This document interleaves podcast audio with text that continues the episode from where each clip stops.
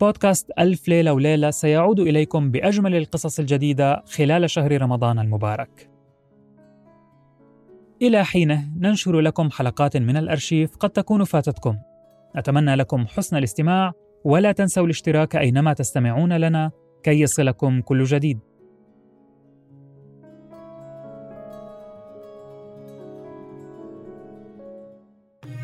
كان يا مكان في بعيد البلدان. ملك يسهر ولا ينام إلا على قصص الإنس والجان. وبلغني أيها الملك السعيد أن جارة علشار العجوز قد وجدت زمرد في قصر الملعون رشيد الدين. وقد بلغتها أن زوجها سينتظرها تحت القصر على مصطبة في الليلة القابلة. وسيصفر لها فتعرفه. وتلك الليلة توجه علي للمصطبة ولكن غلبه النوم فنام. فبينما هو نائم وإذا بلص من اللصوص خرج تلك الليلة في أطراف المدينة ليسرق شيئا. فرمته المقادير تحت قصر رشيد. فدار حوله فلم يجد سبيلا إلى الصعود إليه. فرأى علي شار نائما. فأخذ عمامته وبعد أن أخذها لم يشعر إلا وزمرد طلعت في ذلك الوقت. فرأته واقفا في الظلام فحسبته زوجها. فصفرت له. فصفر لها الحرامي. فتدلت بالحبل وصحبتها خرج ملآن ذهبا. فلما رآها اللص قال في نفسه ما هذا إلا أمر عجيب له سبب غريب. ثم حمل الخرج وحملها على أكتافه وذهب بهما مثل البرق الخاطف. فقالت له العجوز أخبرتني أنك ضعيف بسببي ولكن ها أنت أقوى من الفرس. فلم يرد عليها جوابا فحسست على وجهه فوجدت لحيته مثل مقشة الحمام وكأنه خنزير ابتلع ريشا فطلع زغبه من حلقه. ففزعت منه وقالت له أي شيء أنت؟ يا فاجرة! أنا جوان من جماعة أحمد الدنف ونحن أربعون شاطرا وأنت الآن تحت رحمتنا. تبا لك! كلا! فلما سمعت كلامه بكت ولطمت وجهها وعلمت أن القضاء غلب عليها. وأنه لا حيلة إلا التفويض إلى الله تعالى. فصبرت وسلمت الحكم إلى الله. وقالت لا إله إلا الله. كلما خلصنا من هم وقعنا في هم أكبر. وكان السبب في مجيء جوان إلى هذا المحل أنه قال لأحمد الدنف يا شاطر أنا دخلت هذه المدينة قبل الآن. وأعرف فيها غارا خارج البلد. يسع أربعين نفسا. وأنا أريد أن أسبقكم إليه وأخلي أمي من ذلك الغار. ثم أعود إلى المدينة وأسرق منها شيئا على بختكم وأحفظه على اسمكم إلى أن تحضروا. فتكون ضيافتكم في هذا النهار من عندي. وقال له أحمد الدنف افعل ما تريد. فخرج قبلهم. وسبقهم إلى ذلك المحل ووضع أمه في ذلك الغار. ولما خرج من الغار رأى جنديا راقدا وعنده فرس مربوط. فذبح وأخذ فرسه وسلاحه وثيابه وأخفاها في الغار عند أمه. وربط الحصان هناك. ثم رجع إلى المدينة ومشى حتى وصل إلى قصر رشيد. وفعل ما تقدم ذكره من أخذ زمرد ولم يزل يجري بها إلى أن حطها عند أمه وقال لها أمي احتفظي بها إلى حين أعود إليك في بكرة النهار ثم ذهب فقالت زمرد في نفسها وما هذه الغفلة عن خلاص روحي بالحيلة؟ كيف أصبر أن يجيء هؤلاء الأربعون رجلا فيقتلوني أو أسوأ؟ ثم إنها التفتت إلى العجوز أم جوان. وقالت لها يا خالتي ربما تقومين بنا إلى خارج الغار حتى أفليك في الشمس؟ إي والله يا ابنتي فإن لي مدة وأنا بعيدة عن الحمام لأن هؤلاء الخنازير لم يزالوا دائرين بي من مكان إلى مكان. فخرجت معها فصارت تفليها وتقتل القمل من رأسها. إلى أن استلذت بذلك ورقدت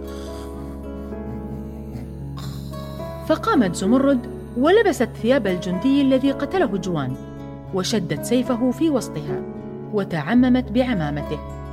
حتى صارت كأنها رجل وركبت الفرس وأخذت خرج الذهب معها. وقالت يا جميل الستر استرني بجاه محمد صلى الله عليه وسلم. ثم إنها قالت في نفسها إن رحت إلى البلد ربما يراني أحد من أهل الجندي فلا يحصل لي خير.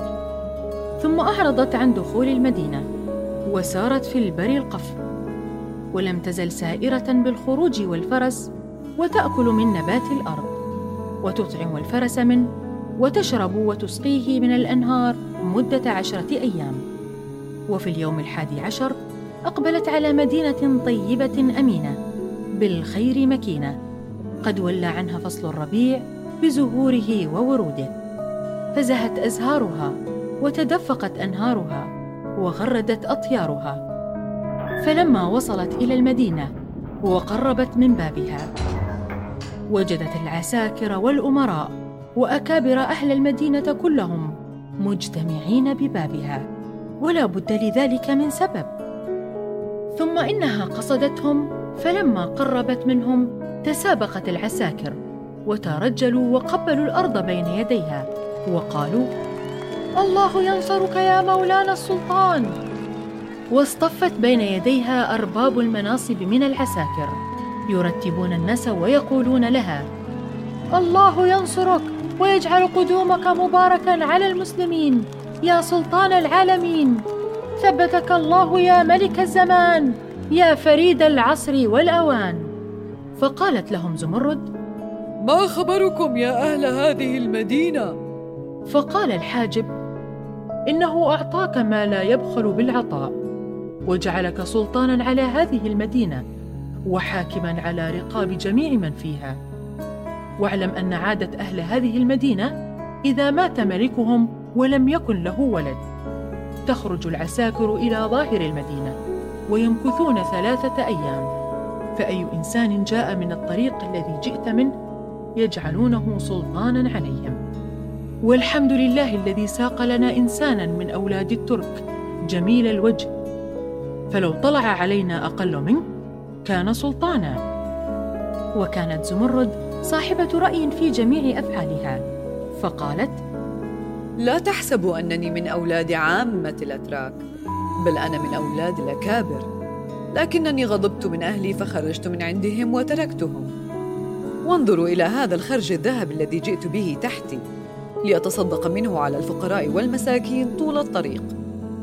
فدعوا لها وفرحوا بها غاية الفرح وكذلك زمرد فرحت بهم ثم قالت في نفسها بعد أن وصلت إلى هذا الأمر لعل الله يجمعني بزوجي في هذا المكان. إنه على ما يشاء قدير. ثم سارت العسكر حتى دخلوا المدينة وترجل العسكر بين يديها حتى أدخلوها القصر. فنزلت وأخذها الأمراء والأكابر حتى أجلسوها على الكرسي وقبلوا الأرض بين يديها.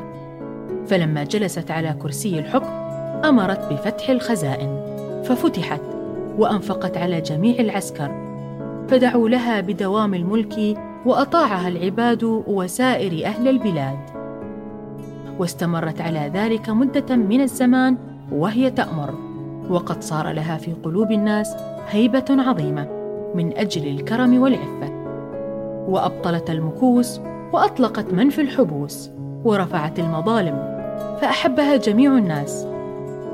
وكلما تذكرت زوجها تبكي وتدعو الله أن يجمع بينها وبينه. واتفق أنها تذكرته في بعض الليالي وتذكرت أيامها التي مضت لها معه فافاضت دمع العين. وأنشدت هذين البيتين. شوقي إليك على الزمان جديد والدمع قرح مقلتي ويزيد. وإذا بكيت بكيت من ألم الجوى إن الفراق على المحب شديد. وأدرك شهرزاد الصباح فسكتت عن الكلام المباح.